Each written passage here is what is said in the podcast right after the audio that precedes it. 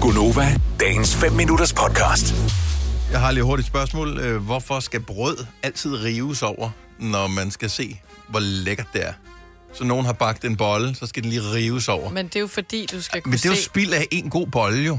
Ja, men det er så ser man krumme bedst. Det tror jeg også. Men... Men øh, har I ikke lagt mærke til det, når, Jo, jo, når du jo. følger sådan nogle øh, bageblogger eller et eller andet, som har lavet et lækkert brød? Det er også et, et helt fransk brød. Ja. River de det over? Det var sådan, du har ødelagt i hvert fald to gode skiver nu. Ja, ja, Ja. ja.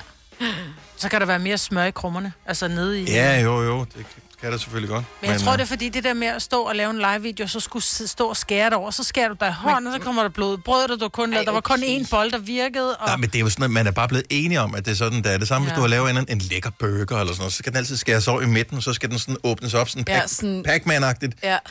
øh, og, og så skal man se den sådan, hvor lækker den ser ud indeni. Ja. Ja, Hvorfor er der aldrig nogen, der tager en bid af den? Nej. nej. Man gider ikke se andre spise. Jo, jeg, gad, jeg vil gerne se, at de nyder det. Nå. Ja, bare det ikke bliver ligesom Dr. Ø- Dr. Ytger. Nå ja. Øh, restaurante. Sidder og mader hinanden. Det er for Men- dumt. De skærer Gør det en det? Ja. pølse Ja, det er pizza jo- ud og mader hinanden Ja, det kan det også godt til være. opera, altså. Ja.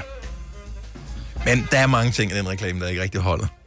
Det hele. Romantik på 12 minutter. Ja. Ah, Okay.